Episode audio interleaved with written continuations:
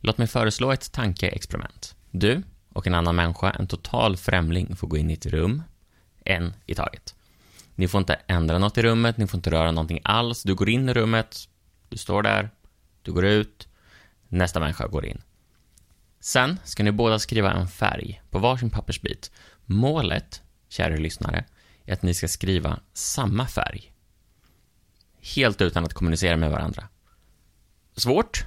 Omöjligt, kanske till och med. Eller åtminstone väldigt osannolikt. Men om jag får lägga till en detalj.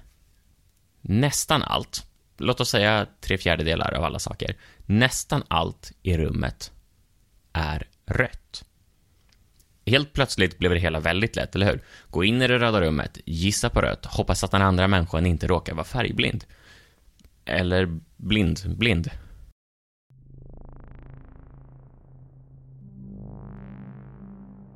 Bra.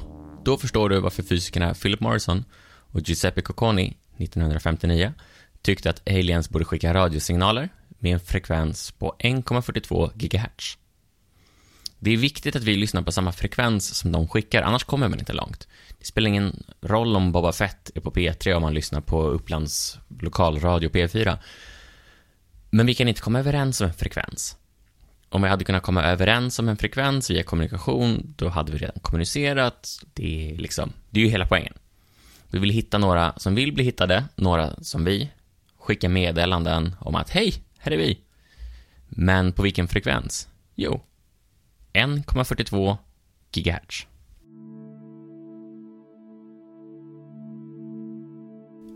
Dessa aliens och vi är i samma rum, det vill säga samma universum, eller ännu bättre, samma del av universum, där nästan allting består av väte. 74 procent, men låt oss säga tre fjärdedelar. Väte, om du får en smula energi via värme, eller stjärnljus eller liknande, lyser ett par väldigt specifika frekvenser. En av de frekvenserna är betydligt starkare än alla andra, nämligen 1,42 GHz. Alltså, rummet är rött, universum lyser i 1,42 gigahertz. Vi vet det, aliens vet det. Vad väntar vi på? Ut och lyssna! Det ska sägas att mörk materia och mörk energi är betydligt vanligare än väte, men vi har inte en blekfet jävla aning om vad någon av de två är. Så vi får hoppas att våra aliensvänner är lika ovetande. Jag menar, de tre fjärdedelarna väte, det är tre fjärdedelar av den så kallade baryonska materian, det vill säga vanlig gammal bondmateria, neutroner, protoner, sånt du hittar i en atomkärna. Och det är ju också en lite mer exotisk motivering för att förstå mörk materia, att man vill ha en eh, alien-vän. Men är det någon som lyssnar? Jo, det kan du tro. 1973 hade Ohio State University använt sitt radioteleskop Big Ear. Ja, det hette så. Nej, såg inte ut som ett öra. Såg ut som en fotbollsplan med underligt formade staket. För att lyssna efter radiokällor utanför vår galax. De hade gjort en lång sökning över stor del av himlen, 94% av himlen, i över sex år. Men nu var de klara. Var på Ohio State University gjorde något lite undligt. De lånade ut teleskopet till SETI-gruppen. SETI står för Search for Extraterrestrial Intelligence. Ja, de hörde av sig till foliehattarna som letar små gröna män och sa Behöver ni ett teleskop eller? Nu för tiden har SETI-folket ett helt eget teleskop. Allen Telescope Array i Kalifornien. Fem av fem på Google Reviews. Vad fan nu det betyder? Döpt efter en av Microsofts grundare, Paul Allen, som donerade pengar för att teleskopet skulle kunna byggas. Jag måste säga att stor del av sökandet efter aliens drivs av pengar från semigalna miljardärer. Förvånansvärt stor del. Eller, nej, det kanske inte är förvånande. Vem om inte excentriska människor med för mycket pengar? Oavsett, oavsett. Allen-teleskopet är nytt, stod klart 2007. På 70-talet var det inte ens på kartan att de skulle få tag i ett teleskop. Men så helt plötsligt stod de där med ett oväntat radioteleskop i händerna. Livet kunde varit värre. Så de började söka, såklart. De visste på vilken frekvens, 1,42 GHz, men de hade inte direkt någon aning om åt vilket håll. Kanske inom galaxen, men... Mm. Så det var bara att tuta och köra. Förut hade, som sagt, 94% av himlen täckts på sex år. Så det är bara att köra på igen, fast på andra frekvenser den här gången. Vet du vad de hittade, kära lyssnare? Någonstans måste jag ge upp med de här retoriska frågorna. Svaret är för uppenbart. Det skapar liksom ingen spänning. Så vad tror du, lyssnare? Har vi hittat aliens? Eller bättre kan du, Viktor? Tror du, ja! De hittade aliens.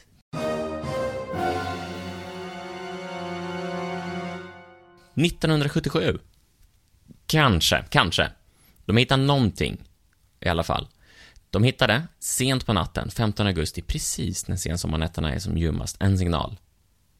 Wow-signalen, som den kommer att kallas. Mänsklighetens, än så länge, främsta bevis för att det finns liv där ute. Eller så är det något helt annat. Vem vet?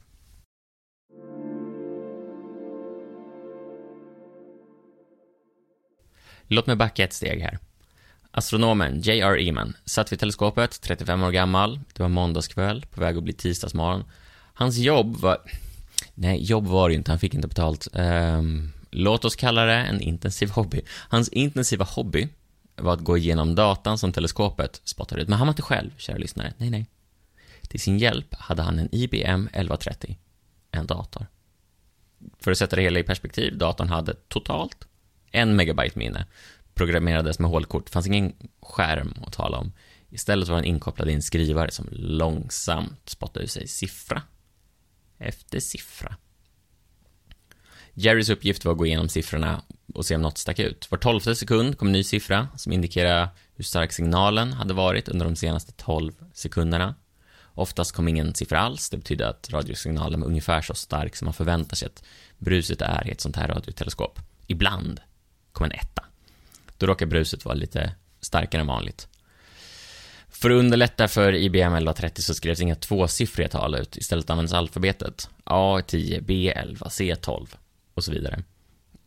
Jag vet inte vad som skulle hända efter Z, men det hade inte direkt varit problem. Inga signaler hade ens varit nästan så stora. Ibland kom en ensam sjua, men inget stort före, inget stort efter. Låt mig läsa, rakt från pappret som den lilla 1130 printade ut den kvällen, 15 augusti.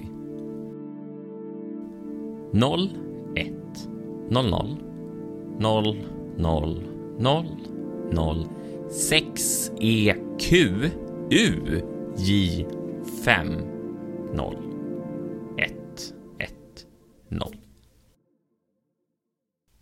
U det är 30, 30 gånger starkare än bakgrundsljuset. Det är ju definitivt någonting. Det behöver inte betyda aliens.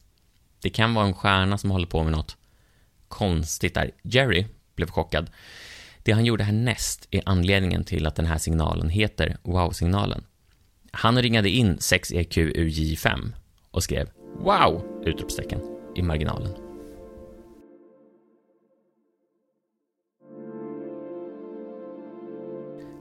6EQUJ5 har blivit lite av en shorthand för aliens i vissa kretsar. En av reklamerna i 2017 års Super Bowl lekte med konspirationsteorier, Illuminati, Area 51, så.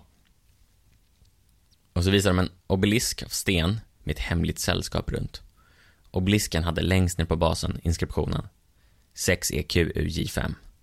Det var en reklam för mexikanska avokados. Nej, jag vet inte riktigt heller.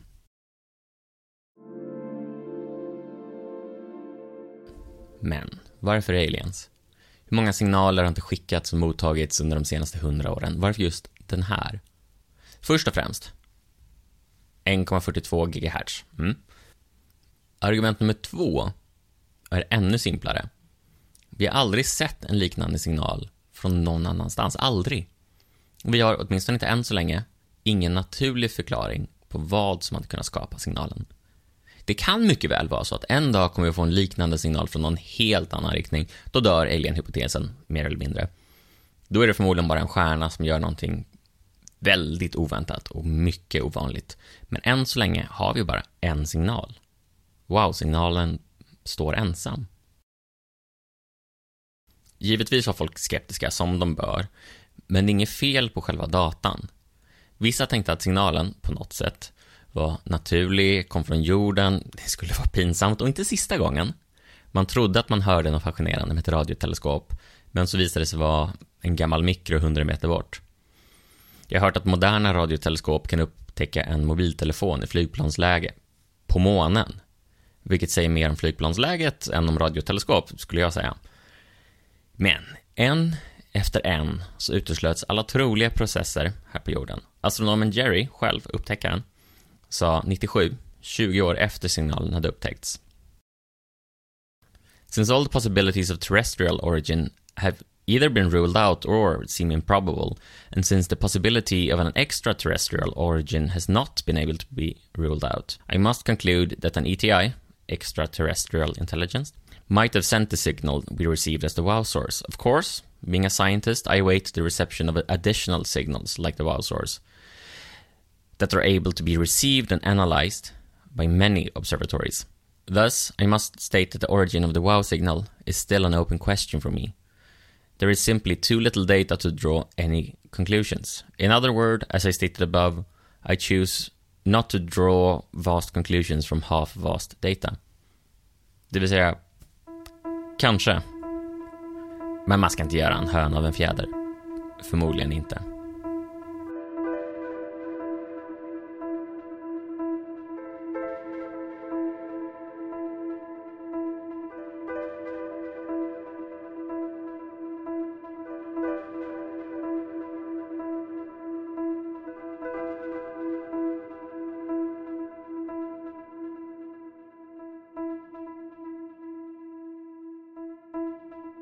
Det finns ett citat från Arthur C. Clarke om att antingen så är vi ensamma i universum eller så är vi inte det.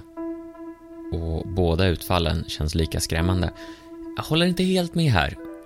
För universum är väldigt, väldigt stort. Så även om vi inte är ensamma, även om det finns intelligent liv 17 galaxer bort, så betyder inte det så mycket. Vi kanske någon gång kan få något meddelande från dem på samma sätt som vi nu har fått från wow-signalen. Om nu var signalen var aliens. Men vi kommer aldrig kunna svara, eller även om vi gör det så kommer det ta miljoner år innan det kommer fram till dem och vad är sannolikheten att de lever kvar och att vi lever kvar sen när de skickar någonting till oss. Och så frågan är egentligen hur många intelligenta aliens finns det inom vår galax som vill kommunicera? Vill de inte kommunicera då spelar det ingen större roll. Jag menar fine, vi, vi läcker ut lite signaler och så från våra tv-apparater, från våra satelliter. Och det skulle man kunna se ett par stjärnor bort, men det är inget man skulle kunna se på andra sidan galaxen. Och allt eftersom teknologin utvecklas för oss, om vi ville dölja det, skulle vi kunna dölja det. Förmodligen. Så då är frågan, ungefär hur många kan det finnas i vår galax? Intelligenta aliens som vill kommunicera. Tillåt mig presentera Drake-ekvationen. Det är en så kallad Fermi-approximation. Och nu har jag använt alla de komplicerade termerna här. Eh, och vi kommer göra matten, men det kommer vara den dummaste matten du har hört i hela ditt liv. Ekvationen, citationstecken här, för hur många aliens det finns i vår galax som vill kommunicera.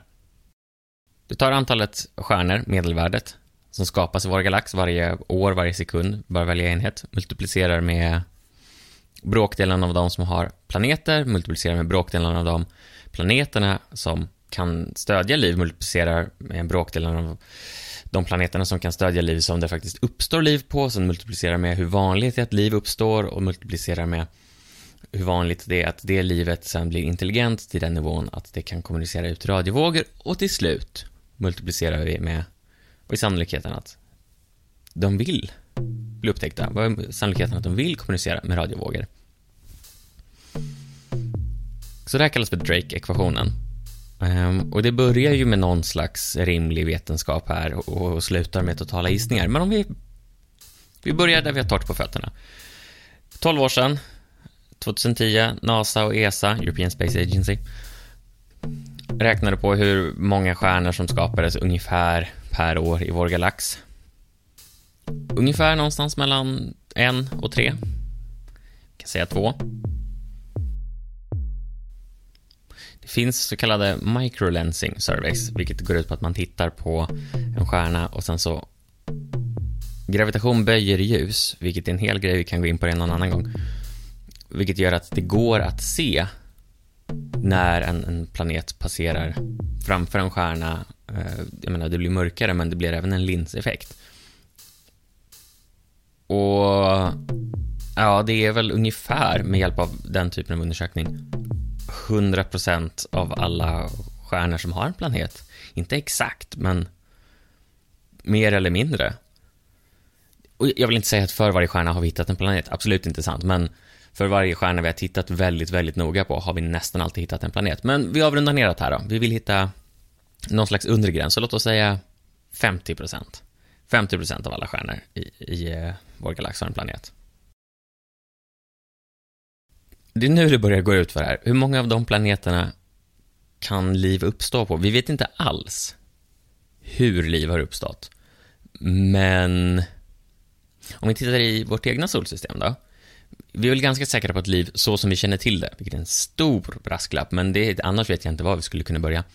Så liv så som vi känner till det skulle inte kunna uppstå på Merkurius, förmodligen inte. Det finns inget vatten där, det avdunstar. Samma är sant på Venus, men där vet vi att en gång i tiden bör det ha funnits vatten. Vi vet inte, vi tror att det har funnits vatten. Sen så hade de en växthuseffekt som gör att Venus är det, eh, ja, helveteslandskap som vi ser idag. Så Venus är ett, jorden vet vi att det kan uppstå på, vi tror att det förmodligen har funnits liv på Mars. Vi har inte hittat något än, men mm, förmodligen. Jupiter skulle man väl säga nej på, men där finns månarna.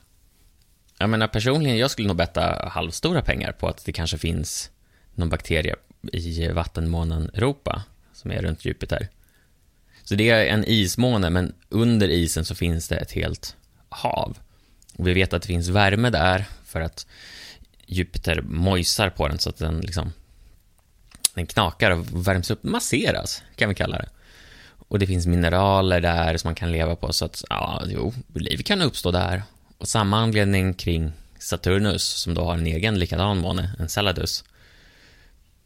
Så vad är vi uppe i nu? Det är fem planeter av Merkurius, Venus, jorden, Mars, Jupiter, Saturnus, Uranus, Neptunus. Vi säger Pluto också. Eh, fem av nio.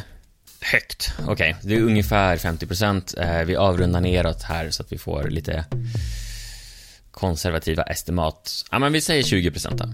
20 procent av alla planeter kan det uppstå liv på.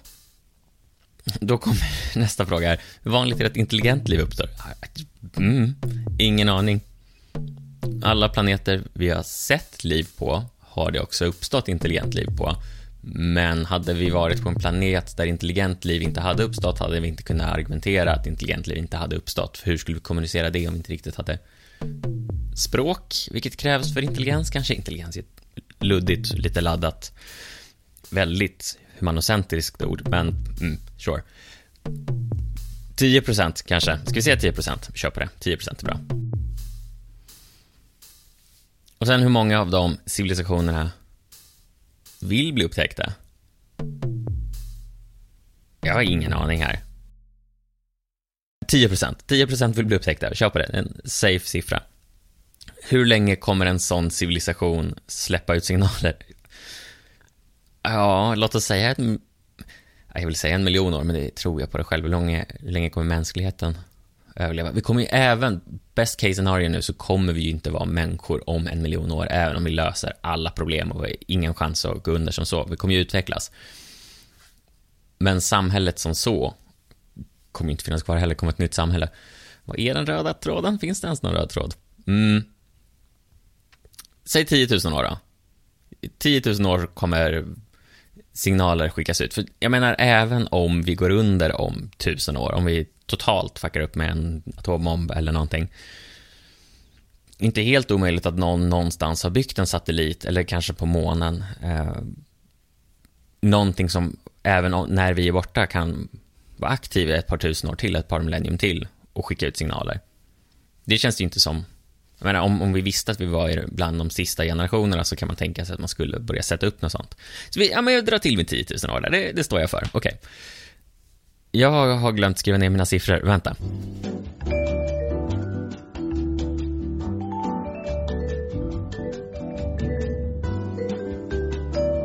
Jag inser att jag glömde en siffra. Vi måste även räkna på hur många planeter varje stjärna har. Inte bara om de har eller inte har. Det är också rätt svårt, men låt oss säga två, kanske där då. Ja, vi drar till med två. Varför inte? Okej, vi har varit väldigt låga med våra estimat här. Så det här bör vara någon typ av undre gräns. Men det vi kommer fram till med de här siffrorna är att det borde finnas i vår galax just nu 40 stycken intelligenta raser som försöker kommunicera mellan planeter. Vi känner till en, eh, oss, absolut. Woo! 39 kvar. Mm. 39 kvar.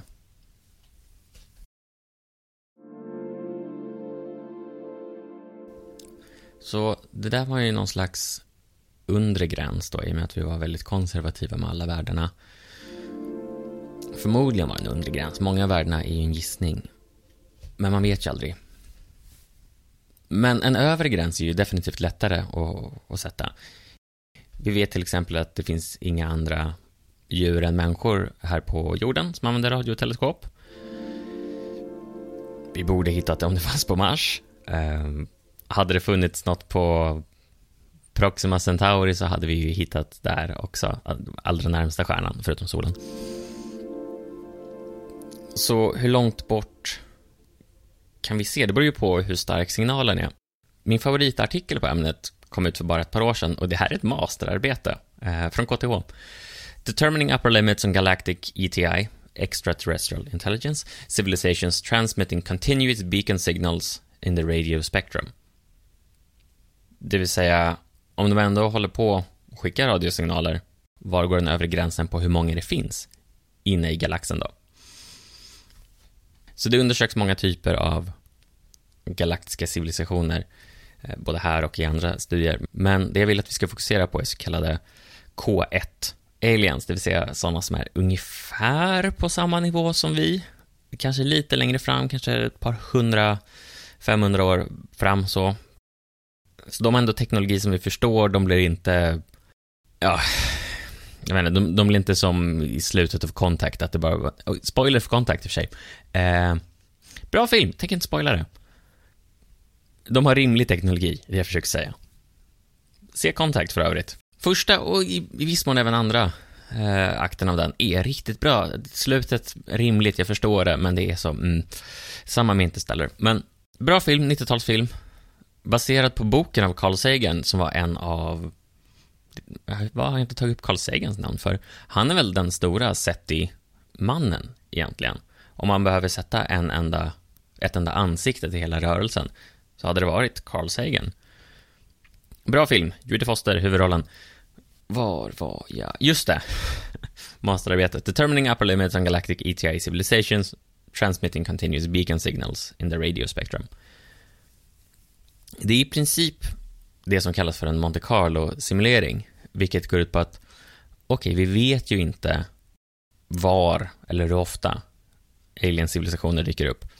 Men om vi antar att de dyker upp ungefär lika ofta i alla delar av galaxen, det stämmer ju inte riktigt, de lär inte dyka upp i mitten, mitten, men ja, vår sida av galaxen jämfört med någon annans arm lär ju inte spela någon större roll, så det är ett rimligt antagande. Vi antar att de kommunicerar via radio.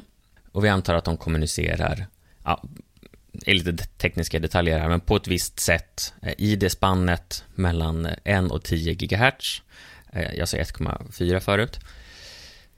Eh, och allt sånt. Vi vet ju att vi har sett noll eller kanske en signal, om man tror på wow-signalen här. Men om det fanns en miljard olika arter av aliens som alla kommunicerar åt olika håll, då borde vi sett fler. Men hur många fler? Så i studien så simulerar de det. De, de sätter vissa gränser. Så här, men säg att det dyker upp 75 stycken eh, per stjärna per år.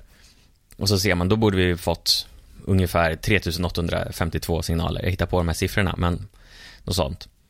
Så var går då gränsen? Hur många aktiva alien-civilisationer, radioaktiva alien-civilisationer, bör det finnas? Det skulle ju kunna finnas hundra stycken och de har bara skickat signaler åt helt fel håll. Eller vi har missat dem, eller så.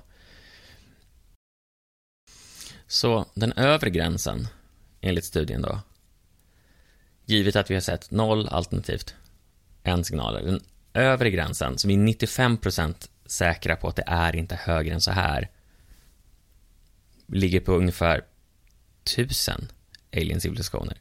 1000 K1-civilisationer, det vill säga ungefär samma teknologiska nivå som vi ett par hundra år längre fram.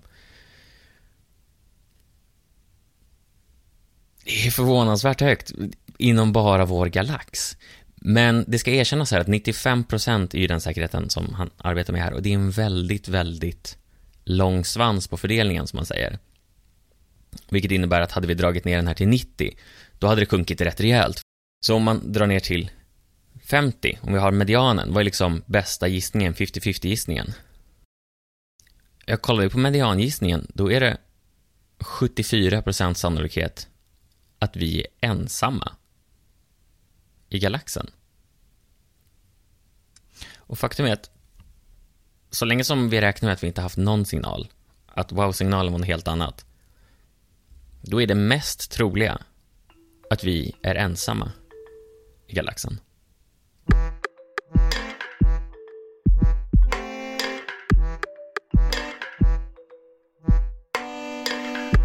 Men vänta, vänta, vänta. Vi kan inte avsluta där. Wow-signalen då? Vi, vi kan inte vara klara med wow-signalen.